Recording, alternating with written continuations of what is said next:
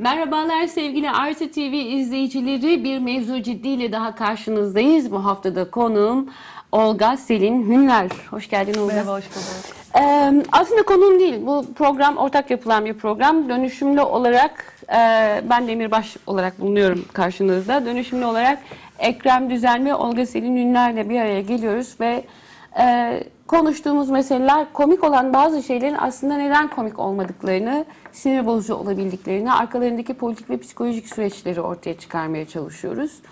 Ee, bu hafta ise konumuz bir hayli ciddi erkeklikten bahsedeceğiz ve erkeklerden.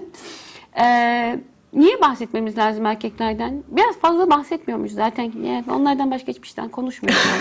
Değil mi? Konuşacak alan bırakmıyorlar. ee, Valla bence daha çok bahsetmemiz gerekiyor.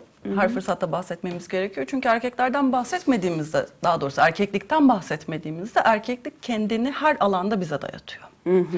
Ee, yani son dönemde bu cinsel taciz davaları mesela çok konuşulmaya başlandı. Kadınların sosyal medyada yaptıkları Me Too kampanyası üzerinden. E, mansplaining kavramı üzerinden yani bir kadın Erkek konuşmacıya dayatılan bir dakika sen bunu anlamazsın diye uzanan şu el hareketinden. Elinin çamuruyla her işe karışan. Aynen. Ee, o yüzden de bu alanı e, tekrar geri kazanabilmek için e, bizim erkeklik üzerine çok konuşmamız gerekiyor. Evet erkeklerin çok az yaptıkları bir şey bu. Kendileri hakkında konuşmak biraz öz eleştiriden e, mahrum bırakıyorlar yüce varlıklarını. Fakat bunun bir e, alter, bunun bir istisnası olmuş. E, şimdi izleyeceğimiz e, sokak röportajları 2013 yılında eklenmiş e, YouTube'a. İzleyelim efendim. Ne anlıyormuş erkekler erkeklikten acaba?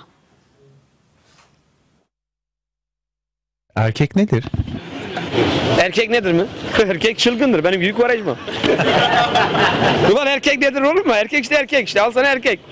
Çılgın kuvarajma. Erkek bir evi direği, hayatın gerçeği, bayanları tamamlayan bir unsur. Erkeklerin kolu kanadı aslında ya çok yumuşaktır anladın mı? Ama çok şey gösterirler böyle gücünü mesela kadına kullanmaz. Yüzde birini kullanır. Öyle erkeklik ne bileyim aşık olur sever ölüne yani unutamaz erkek sevdiği zaman erkeklik böyle bir şeydir. Erkekler ağlamaz derler ya erkekler ağlar yalnız. o da bir gerçektir yani. Bu nasıl bir soru ya? Yani çok sıkıntılı bir soru. Yani bir bayana sorsanız eyvallah diyeceğiz de bir erkeğe soruyorsunuz. sorsanız yani. daha şey olmaz mı? Bayanlara sorsanız daha iyi olumlu cevaplar alırsınız. erkek bir organizmadır bence.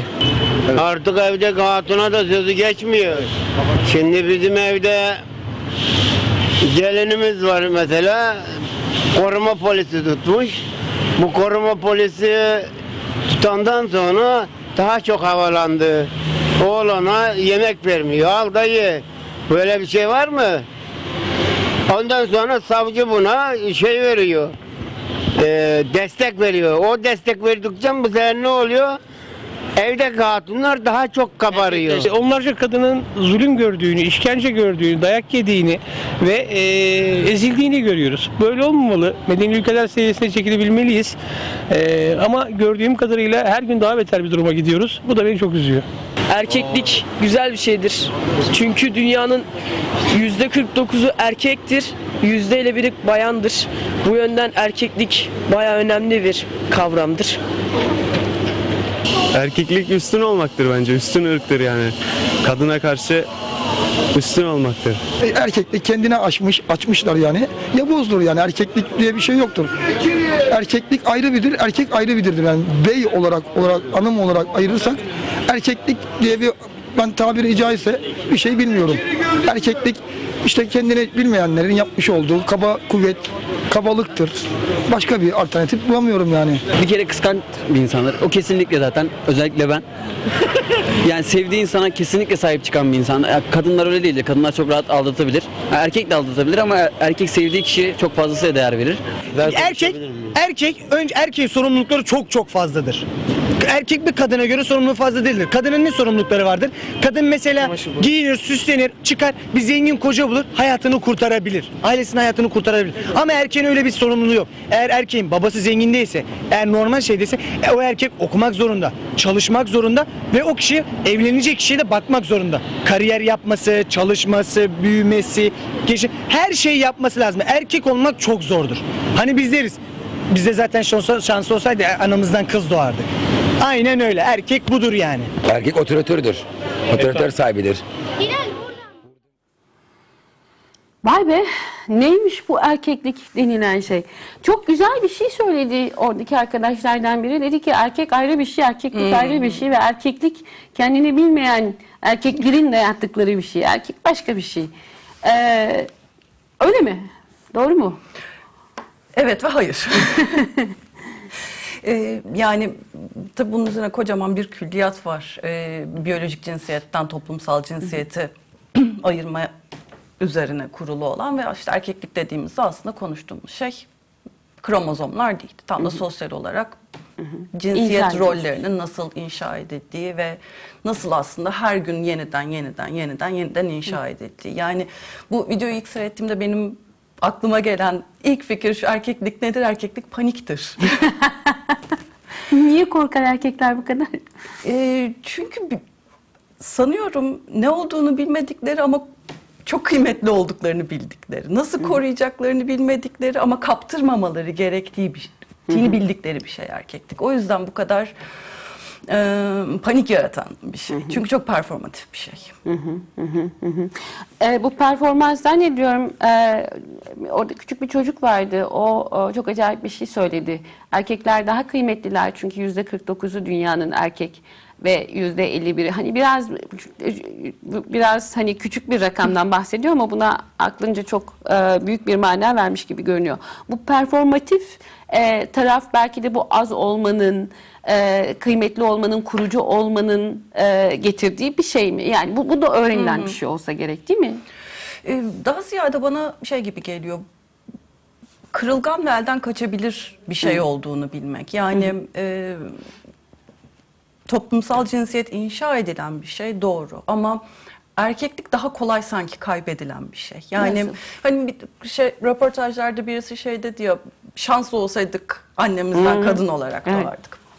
Çünkü erkeklik her gün, her gün, her gün kanıtlanması, gösterilmesi, e, elde tutulması gereken bir şey. Yani öyle bir büyük antropolojik külliyatı var ki mesela erkekliğe geçiş törenleriyle ilgili.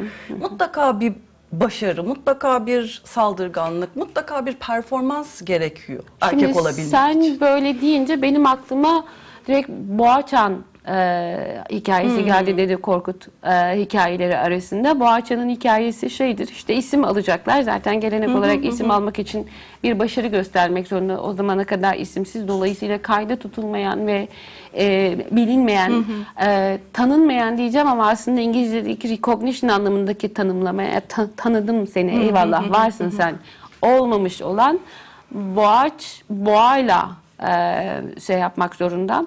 E, çok enteresan bir hikayedir. O yüzden azıcık uzatarak söylüyorum.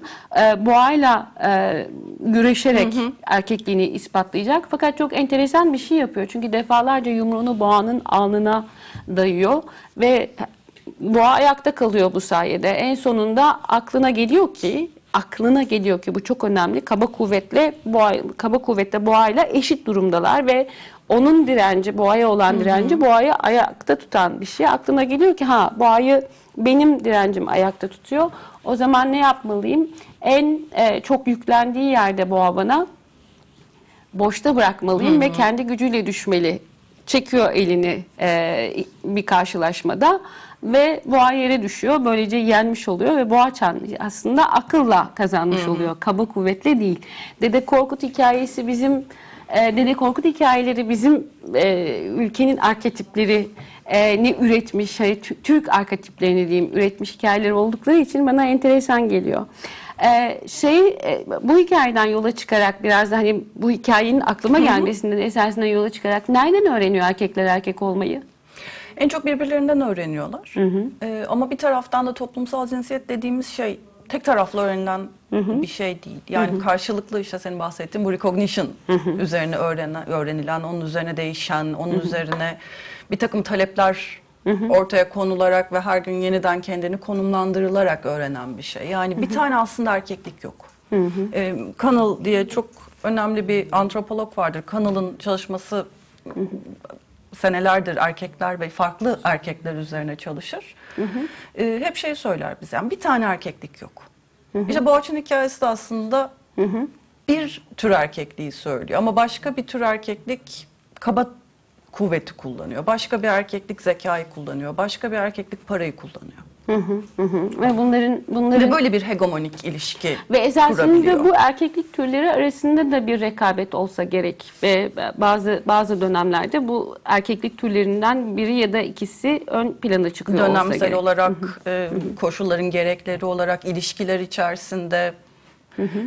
Kimi zaman bir günden bir güne kimi zaman bir saatten bir saate. Enteresan anlatılardan bir tanesi de şeydi gelinini anlatan e, kayınpeder. E, çünkü geline e, Allah'tan yani hani bu, bu örnekleri çok az duyuyoruz ama e, Allah'tan savcılık işte arka çıkmış koruma polisi vermiş demek ki kadıncağız evde İşte düzenli olarak şiddet düzenli görmüş. olarak şiddet görüyor. Ondan sonra ama diyor işte arkasına savcıyı alınca iyice söz dinlemez oldu. iyice kabardı kelimesini kullanıyor. iyice kabardı. Ee, hemen arkasından başka bir amca kadınların ne kadar erkeklerden şiddet gördüklerini ve gelişmiş ülke e, seviyesine çıkması için Türkiye'nin bu konuya bir çözüm bulması gerektiğini söylüyor. Böyle de bir ve ikisi çok dikkat çekici olan şeydi. E, taraflarından bir tanesi de oydu. İkisi aynı kuşaktanlar bu amcaların. Nasıl değişiyor e, aynı kuşaktan olmasına rağmen? Tamam eğitim vesaire falan ama e, öbür taraftan e, işte e, erkeklikle erkeği ayıran abiyle erkeklik üstünlüktür diyen abi arasında da hani tipinden hiç öyle söyleyeceğini düşünmezsiniz ama evet yani hani o da öyle söylüyor. Öbürünün de tipinden o kadar ince bir ayrım yapacağını düşünmezsiniz ama o da güzel bir şekilde şaşırtıyor. Hakikaten nerede ayrışmaya baş, hangi noktada ayrışmaya başlıyor bu erkeklik tarifleri, erkeklerdeki erkeklik tarifleri? Mutlaka senin söylediğin gibi eğitimin bir rolü var burada ama tek başına yeterli değil. Çünkü e, kişisel deneyimler bunun belirleyicilerinden bir tanesi. Diğer kadınlar ve diğer erkeklerle olan ilişkiler bunun belirleyicilerinden bir tanesi. Deneyim bunun belirleyicilerinden bir tanesi.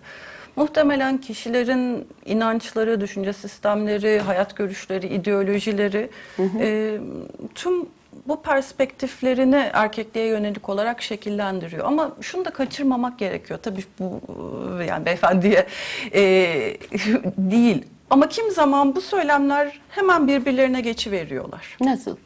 Yani bir erkeklik işte tanımını dinliyorsunuz. İşte erkek şiddet kullanmamalı, e, işte sert konuşmamalı, dövmemeli derken başka bir koruyuculuk tarifi geliyor. Yani işte ailenin lideri olmalı, karısına bakmalı, etmeli. Şefkatli. Şefkatli. Ben buna şey diyorum, iyicil erkeklik.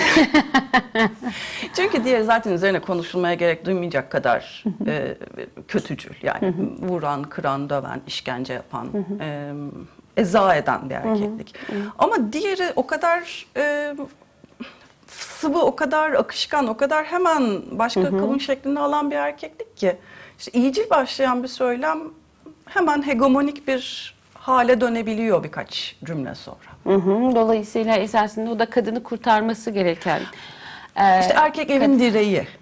Ee, erkek işte karısına bakmalı, erkek kıskanmalı, erkek çocuklarına e, işte eğitim vermeli derken derken aslında böyle yine bir yönetici erkekten bahsediyoruz. Karar alan erkekten bahsediyoruz. Ee, ben bu şey içerisinde hiç kadın yoktu orada. Ee, ya da bu soruyu sonraya saklayacağım. Çünkü çok güzel bir e, videomuz var onunla ilgili. Erkekliğin performans alanı olarak erkekliğin daha doğrusu kendisine en çok performans e, alanı bulduğu yerlerden bir tanesi kuşkusuz askerlik. Ee, şimdi o askerlik halleriyle ilgili bir videomuz var. Onu izleyelim. Ee, sonra devam edeceğiz. Başlayın. Ama senin ismini diyerek başlayın. Tamam? Yani sana anlatıyorum. Ayhan abi askere yeni gittim. Tamam mı? Ee, bir haftalık askerim daha ortalığın ne olduğunu bilmiyor. Neyse o günü de erken kalktık. Saat dört buçuk muydu neydi? İçtima e, beşte oluyordu. Böyle komutanın gelmesine 10 dakika var. Ben de karnım aç. Kahvaltıda bir şey çıkmadı. Oh. Kantine, kan- kantine gittim. Orada Dört tane mi parça aldın? iki tane poğaça aldım. İki de çay aldın. İki de sallama çay aldım. Oh afiyet olsun. Çay, çayın birini e, kenara Poğaçayla koydum. beraber yedin. Birini yedim. Ondan sonra neyse çayın birini de keyif olarak kenara koydum. Bir de sigara aldım parlament sigarası. Neyse saat geldi mi diye bir baktım ki saat gelmiş tabii ki. Çavuş bir yandan arıyor, onbaşı bir yandan arıyor. ee, Asubay, bölük asubayı sayıyor, sayıyor. 399 kişi var. 410 bir kişi yok. O da sensin. Tabii. Ondan sonra neyse. ben de şöyle bir amfinin köşesinden baktım. Ana milletmiş. Hiç bilmiyorum daha ortalığı. Sigarayı ağzıma aldım böyle. Oh çek. Ondan sonra... Sesin çok az geliyor ya. Abi daha detaylanmadım. işte. Ondan sonra neyse kardeşim. Sigarayı yaktım. Çayı da elime aldım. İçtimaya doğru gidiyorum. Oh. Bir de asubay, bölük asubay dedi ki çavuşa. Gelen bu mu lan dedi. Evet komutanım dedi.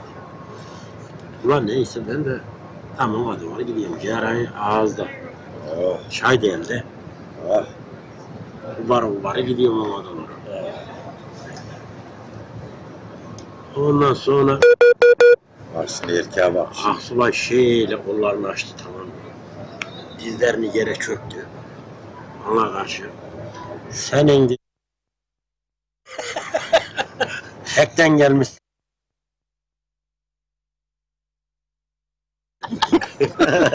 o arada tabii ki ben kumar. İyi asker. Ondan sonra neyse sigara izmaritini bir tarafa attım. Çayı da bir tarafa attım. Şu cesarete bak Allah'ım ya Rabbim dedim ama. Ondan sonra neyse yerime tam gidiyordum. Gel lan buraya dedi ya. Ben emret komutanım kaldı. Ne bir şey yani. Ama bir döşendi baba. Ağız, burun. Durdu. Amına koyayım yerden kalkacak, kalkacak derman mı kaldı? Burnum kırık. kan geliyor bir yandan. Revire götürdüler beni. Revirde iki tane inle ne oldu falan filan zopa yedi dedi. İki gün yattım baba. Dingili anlatsana dingili. Üçüncü mangadan üçüncü dingil.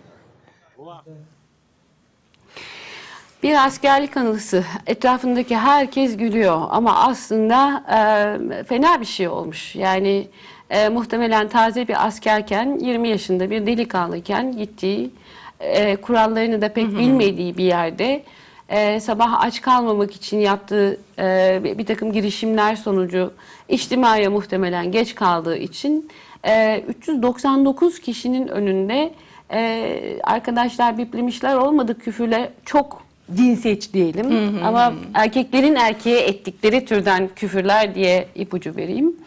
E, küfürler dinleyip e, bir de dayak yemiş. Yıllar sonra bunu anlatıyor. Nasıl bir yer olmalı ki askerlik bu e, bu kadar normal ve gülünen bir şey?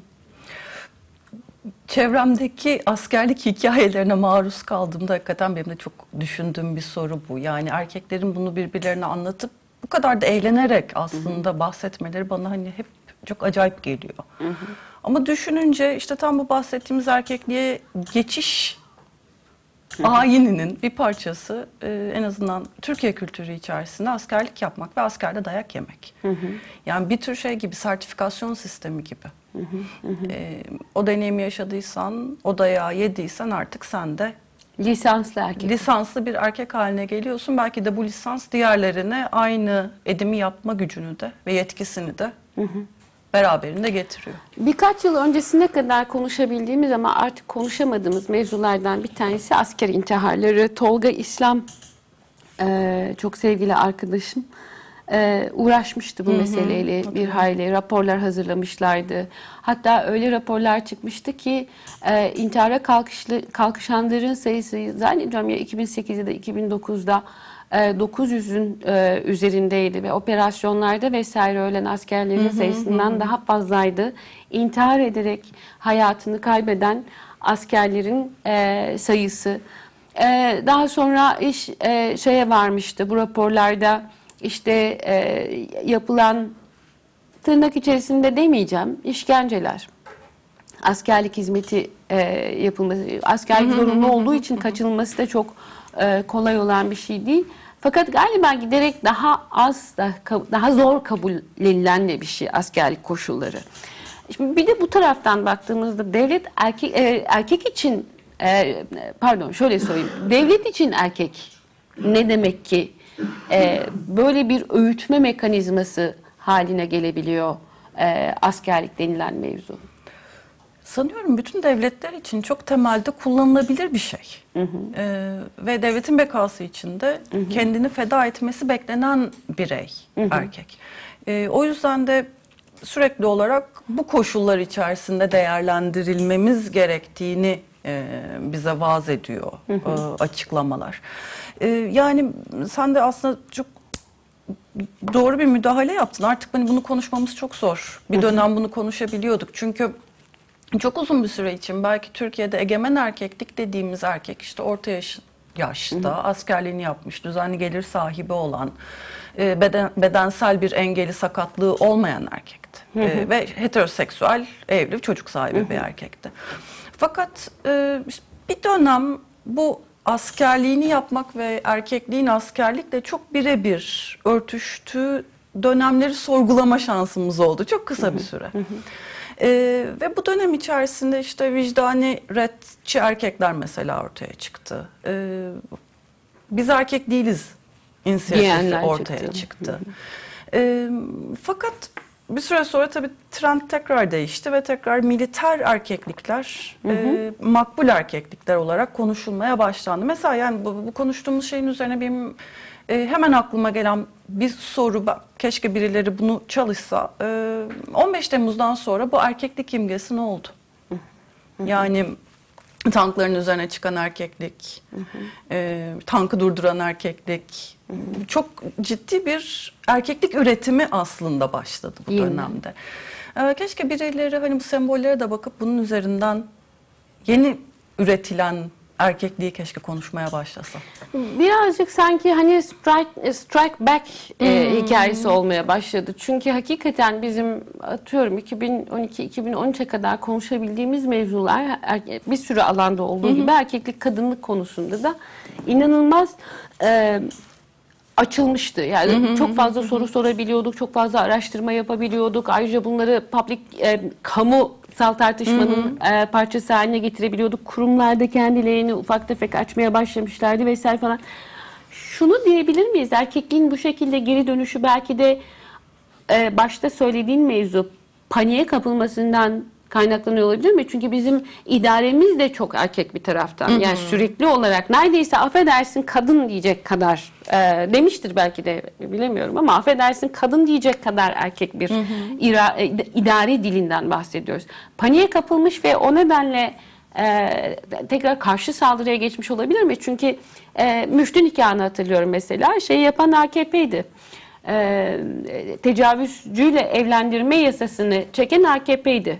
Sonra birkaç sene sonra tecavüzcüyle evlendirme yasasını tekrar geçirmek isteyen de AKP'ydi. Onu geçiremeyince müftü nikah diye bastırıp onu geçiren de AKP oldu. Üstelik kendi içinden gelen itirazlara rağmen bunu yapan da AKP oldu. Acaba e, bir panikle bir geri dönüş mü yaşadı yoksa sence erkeklik saklandığı yerden çıktı mı artık e, özgür ruhlu erkek olmak para etmeyince ya da kudret sağlamayınca? Şimdi tekrar en başa dön- dönmek gerekiyor belki de. Yani bahsettiğimiz erkeklik hiçbir zaman sabit bıraktığımız yerde duran bir şey değil. Ee, aynen kadınlığın olmadığı gibi. Yani geçen gün bir yine sosyal medyada bir fotoğraf paylaşmıştı. Biri bir e, cep telefonu operatörünün bundan 10 seneki 10 sene önceki kampanyası Özgür Kız'dı. Hı hı, Evet. Şimdi nereye Doğru. gidiyor özgür kız? Kırsın dizini otursun babasının evinde. Beni okula gönderme diye pankart açtırdılar çocuklara. Aynen öyle ve işte e, kız çocukları erkek çocukları ayrı yerlerde okumaya başladı. Müftü nikahları e, ortaya çıktı. Tecavüzcüyle evlendirme yasası. Bir, Tartışıldı. bir sürü böyle hani korkunç hakikaten başka türlü ben adlandıramıyorum. Hakikaten korkunç gelişme birbirinin arkasından ortaya çıkmaya Bu başladı. korkunç lafının arkasında ben erkeklerin korkusu diye e, düşünüyorum. Çünkü bir taraftan da şeye bakıyorum hani e, bütün bu 15 Temmuz e, hikayesinden sonra sokağa kim çıkabildi diye bakıyorum. E, geçen 8 Mart e, Dünya Kadınlar Günü aklıma Hı hı. geliyor. E, yani İstanbul e, en büyük e, şeylerden e, kutlama demeyeceğim 8 Mart Dünya Kadını gösterilerden bir Gösteriler. tanesini orada gördü. E, 15 Temmuz sonrasında korkmadılar ve çıktılar. Hani idarenin erkekliğine Hı hı. rağmen, idarenin o e, genel olarak herkese uyguladığı baskıya Hı hı, hı rağmen e, ama kadınlara yönelik e, dilinin ağırlaşmasına rağmen korkmadılar ve çıktılar sokaklara kadınlar. Bundan hala çekiniyor, korkuyor ve dolayısıyla onları ileri do- geri doğru itmeye çalışıyor olabilir mi? Tabii ki olabilir. Yani hangi egemen e, egemenlik alanını bu da birazcık sizin olsun diye devretmek ister. Yani bugüne kadar çok ciddi bir kadın mücadelesi, çok ciddi bir LGBTİ mücadelesi verildi ve tüm bu alanlar erkeklerden ve erkeklikten bu mücadelelerle kazanıldı. Şu an elde bir güç var. Tabii ki erkeklik kendini o eski güçlü mecrasında tekrar inşa edip tekrar e, bir konsolide e, etmek belki zorunluluğu hissediyor. Bu çok acayip geliyor bana çünkü e, ya bi- biz İslamcı siyasetten ve İslamcı erkeklerden bahsediyoruz bu işin öznesi olarak. Başörtüsü mücadelesinin yıllarca bir kadın hakkı, bir kadın mücadelesi olarak e, PR'ının diyeyim halkla ilişkilerinin yapıldığı siya- siyasi anlamda halkla ilişkilerin yapıldığı bir dönemden sonra başörtülü kadınlardan çok az duyuyoruz.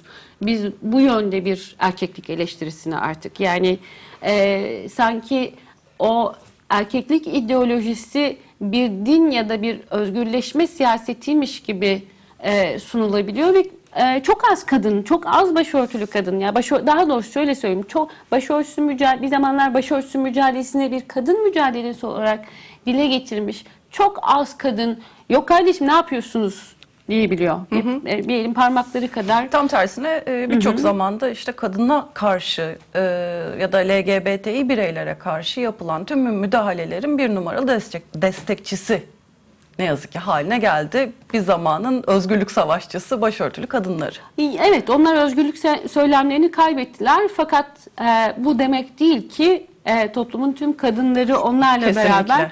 Şimdi e, erkeklerden beklentileri hayli e, farklı bir ablayı seyredeceğiz. E, seyredebilir miyiz lütfen maço erkek tercih etmeyen ablamızın videosunu? Bir kadın neden maço erkek tercih eder? Maço erkek. Benim tercihim maço değil. Nasıl isterdin? Böyle kılıbık olsun, ev işi yapsın, çamaşır, bulaşık, en son çocuk yapsın olur. Çocuk da istiyor. He? Tabii yapsın. Niye her şeyi kadınlara yüklüyorlar ki? Kendileri büyütüyor, kadınlar çalışıyor. Var mı böyle bir kanun? Hangi kitapta yazı? Yapabilir. Amerika'da yapmışlar. Sezeryan. Bence Türk erkekleri de yapabilir. Benim eşim yapamaz artık ya. Yaşlandı. Olmaz yani istese de. Erkekler çocuk yapabilir ya. Her şeyi yapıyorlar. Sonu da yapabilirler. Güveniyorum Türk er- erkeğine yapar. Bir şey olmaz ya Sezeryan'la. İki dakikalık iş. Ben bayıldım bu ablaya. Hakikaten bayıldım. Niye sevdik acaba onu söyleyeyim. Bu ablayı niye sevmiş olabiliriz sen ve ben? E, stratejik zekasını sevmiş olabilir miyiz? olabilir. E, yani erkekliğin en çok üretildiği, en çekirdekten üretildiği yerlerden bir tanesi aile. Ve Hı hı. işte e, anneler kız çocuklarına çekirdekten erkekleri idare etmeyi öğretirler. Aman babanı idare et, aman abini idare et, böylece işte gemini yürüt. Birçok zaman şunu yapma, bunu yapma diye vaaz etmez anneler kızlarına. Sadece nasıl yapmaları gereken, hangi arkadan dolanmaları, dolambaçlı yolları vesaireleri çözmeleri gerektiğini açıktan olmasa da imaen anlatır ve aslında işte birçok kadın e, hayatta kalabilmek için de bu idare etme becerisini çok küçük yaşlardan itibaren geliştirir. Bu videoda izlediğimiz aslında abla da gaz vermeyi bir strateji olarak kullanıyor. kullanarak yani yapamaz edemez ya da işte aman yapsın etsin değil. Tabii ki var onun bu gücü. İsterse onunla yapar deyip çok stratejik bir adım atıyor bence. E ama sonunda da şey diyor bir taraftan yani benim kocam yaşlandı artık yapamaz. Yani e, aklıma şey geldi Le Guin'in e, koca karılarla ilgili söyledikleri.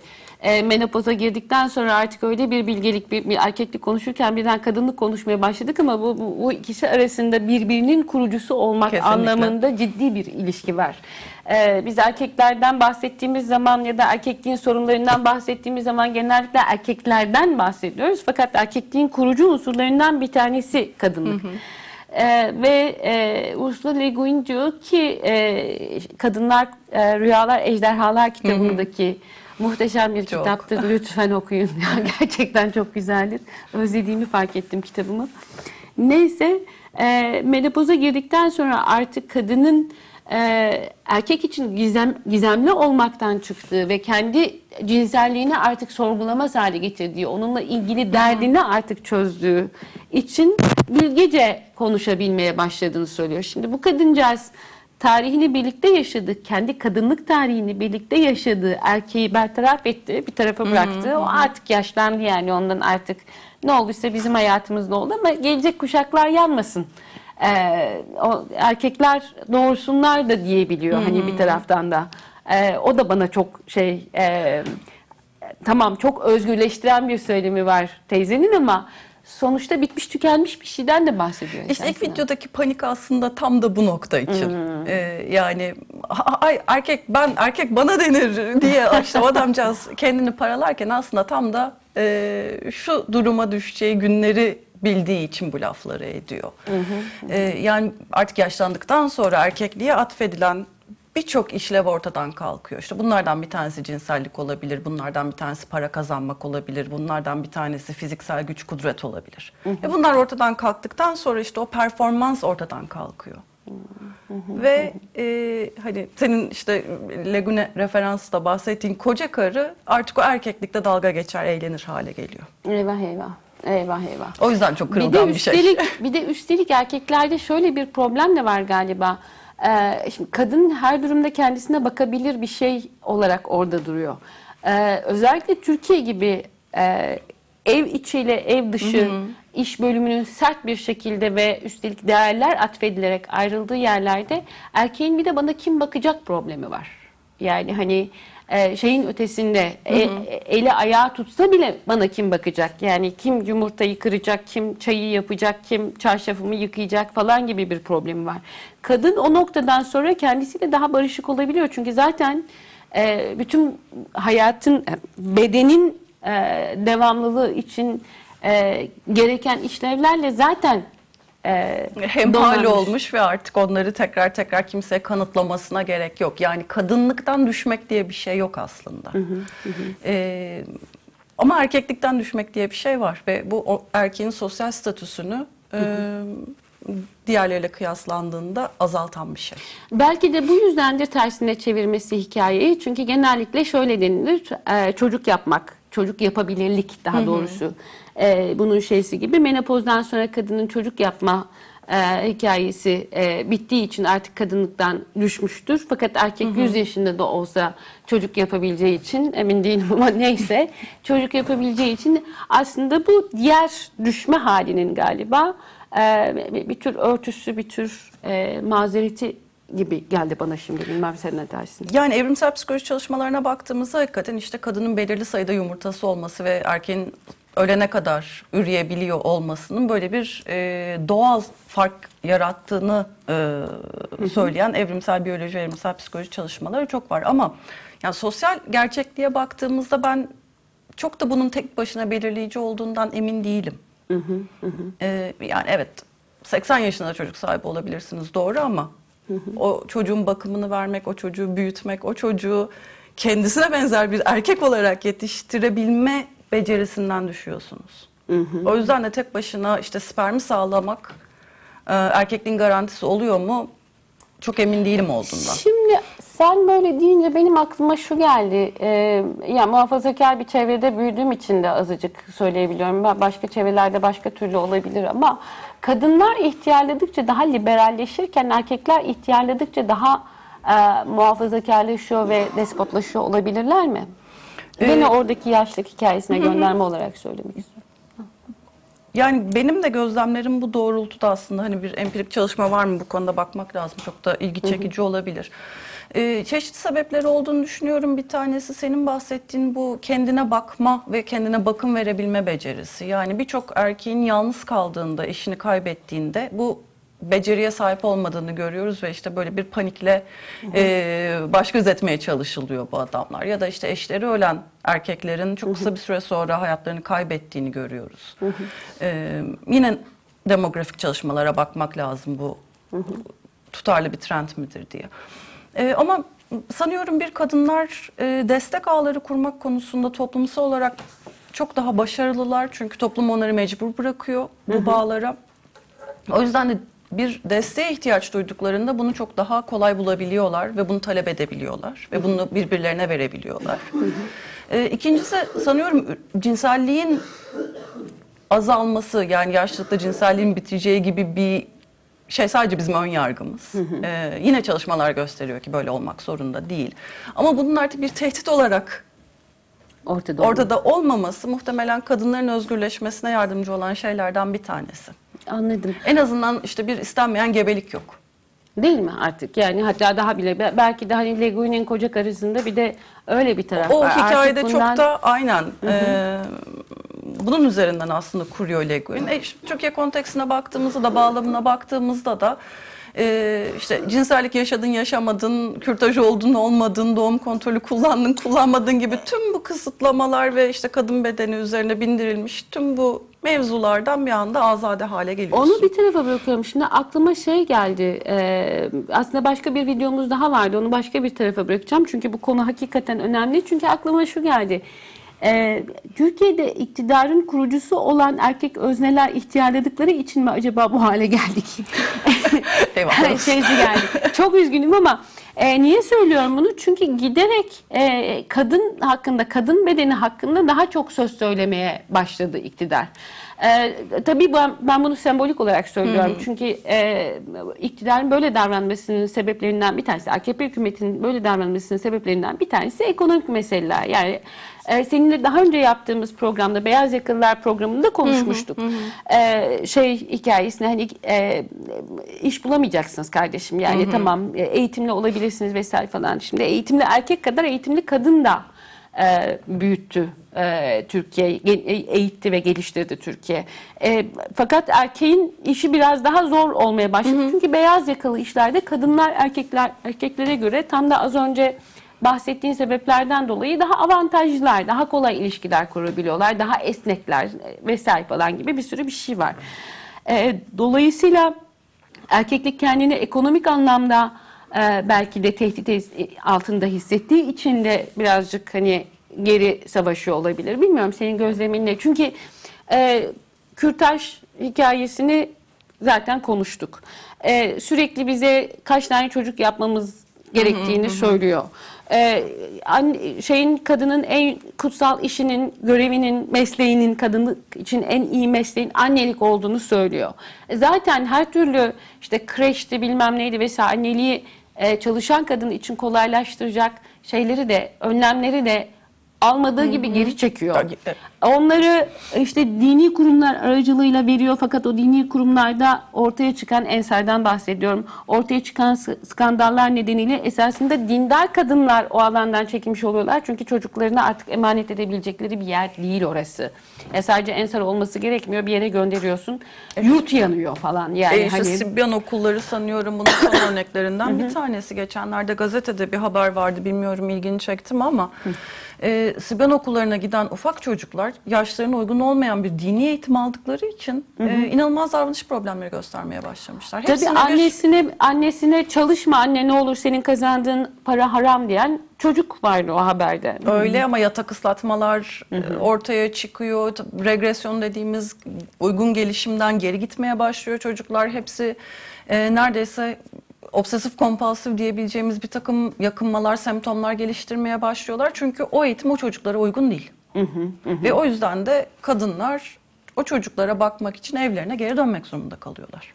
Dolayısıyla esasında bu e, baskıcılaşmaya başlayan, rejimin baskıcılaşmaya başlamasının e, içerisinde arkasındaki sebeplerden bir tanesi de tam da bu olabilir mi? Yani hani erkekliğin e, şey alan e, kaybetmesi ve onu yeniden talep etmesi ya da tersi olabilir belki. E, ancak erkekliği güçlendirerek baskıcı bir rejim kurabileceği için bu yolu tercih ediyor da olabilir. Hangisidir sence? Çünkü paket program gibi geliyor. Yani e, biz bundan, bundan erkekliği çıkardık ama diğer tüm baskı unsurlarını orada tuttuk diye bir şey söz konusu değil. Yani bütün e, baskıcı yönetimlere baktığımızda işte erkekliğin ve erkeklik söyleminin e, en önde gittiğini görüyoruz. Yani hiçbir faşizan yönetim mesela özgür kadınlık söylemiyle ortaya çıkmadı. Yok. Ama ben hepsi- bilmiyorum varsa. Ama hepsinde bir e, güçlü erkek, asker erkek, idare eden erkek, egemen erkek diye bir takım reçeteler vardı. Fakat bizim bu hikayemizde gene döneceğim oraya çok kadın işbirlikçi var. Şimdi o kadınların nasıl bir e, imajları oldu sence? Yani erkeğin gölgesinde bir e, kadın, e, o sürekli olarak onun e, iktidarını besleyen bir kadın Na- nasıl? Yani bu, bu dönemde hani kadınlık söylemi bu kadar özgürleşmişken, kendileri de bu özgürleşmeye esasında katkıda bulunmuşlarken. E, Erkekleriyle ilişkisi hakkında ne diyebilirsin bir psikolog olarak bu kadınların? İktidar talebinin e, zehirli bir meyve olduğunu söyleyebilirim sanırım. Yani ona yakın olmak, bir kere onun tadını almış olmak. E, o kazanımları, o e, privilege'ları diyelim çok sıkı tutmaya neden oluyor. Yani daha fazla e, mücadele etmek yerine erkeğin kendisini açtığı alanda e, oyalanarak, e, o alandaki meyveleri yemeye devam ederek, hatta bu hali de kutsayarak çünkü koca bir dini gelenek var orada bu hali kutsayabileceği. Gelenek diyorum dinin kendisi demiyorum. Din çünkü din e, din bir söylemsel gelenek ve farklı yerlerde farklı şey. Bir sunum dinlemiştim. Trinidad Tobago'da Sufi kadınlar e, Selefi erkeklerin kendilerine yasadık, yasakladıkları camiyi alabilmek için e, fiziksel savaşa girmişlerdi. Camiyi de e, yemek yapmak ve buluşmak için kullanıyorlardı. Fakat Selefi erkekler, Selefilik bir şekilde Trinidad'a kadar gidebilmiş. Ulaştı. Evet. Çünkü başka şeyler de olabilir. Dinden ille de bu çıkar diye bir şey yok. Öyle bir şey söylemem ama bu dini geleneğin ürettiği erkekliğin gölgesinde yaşamayı, bir konforu tercih etmiş görünüyorlar. E, çünkü kendilerine kadın olmak üzerinden değil ama belirli inanç gruplarına dahil olmak ya da belirli ideolojilere ait olmak yüzünden yarattıkları bir e, sanal özgürlük alanı olduğuna inanıyorlar. Yani bu bir kamuoyunda daha çok görülmek olabilir, işte bir köşe yazısı yazabilmek olabilir, bir TV programı yapmak olabilir vesaire vesaire. Bu tür görünürlüklerin e, onlara sağladığı bir takım imkanlar var. Ee, ya ben hemen aslında özür dilemek istiyorum e, izleyicilerimizden. Bir- biraz benim yüzümden oldu. Ee, erkekliği konuşurken birden kendimizi yine kadınları konuşurken bulduk. Fakat galiba bu biraz da bakışımlı bir e, inşa süreci olduğu için yani şu anda ka- şu anda konuştuğumuz mevzuda baskıcılık, otoriterlik olduğu için ve e, kendi içinde hızla e, şekillenmiş bir erkek e, iktidarı e, söylemi içerisinden çıktığı için kadınları konuşmadan erkekleri, erkekleri konuşmadan kadınları özellikle böyle bir baskıcı e, baskı söylemi, baskı iktidarı için konuşamıyoruz. O yüzden bu haftaki programımız bu kadar. E, gelecek haftalarda devam edeceğiz. E, erkekliği de konuşmaya devam edeceğiz. Çünkü hakikaten çok fazla malzeme artmaya başladı. Belki programın süresini uzatmamız lazım bilemiyorum. Neden? Erkeklik konuşuyorsak benim susturulmam gerekiyor. Eyvallah. Benim her durumda susturulmam gerekiyor zaten. Efendim e, iyi haftalar diliyoruz.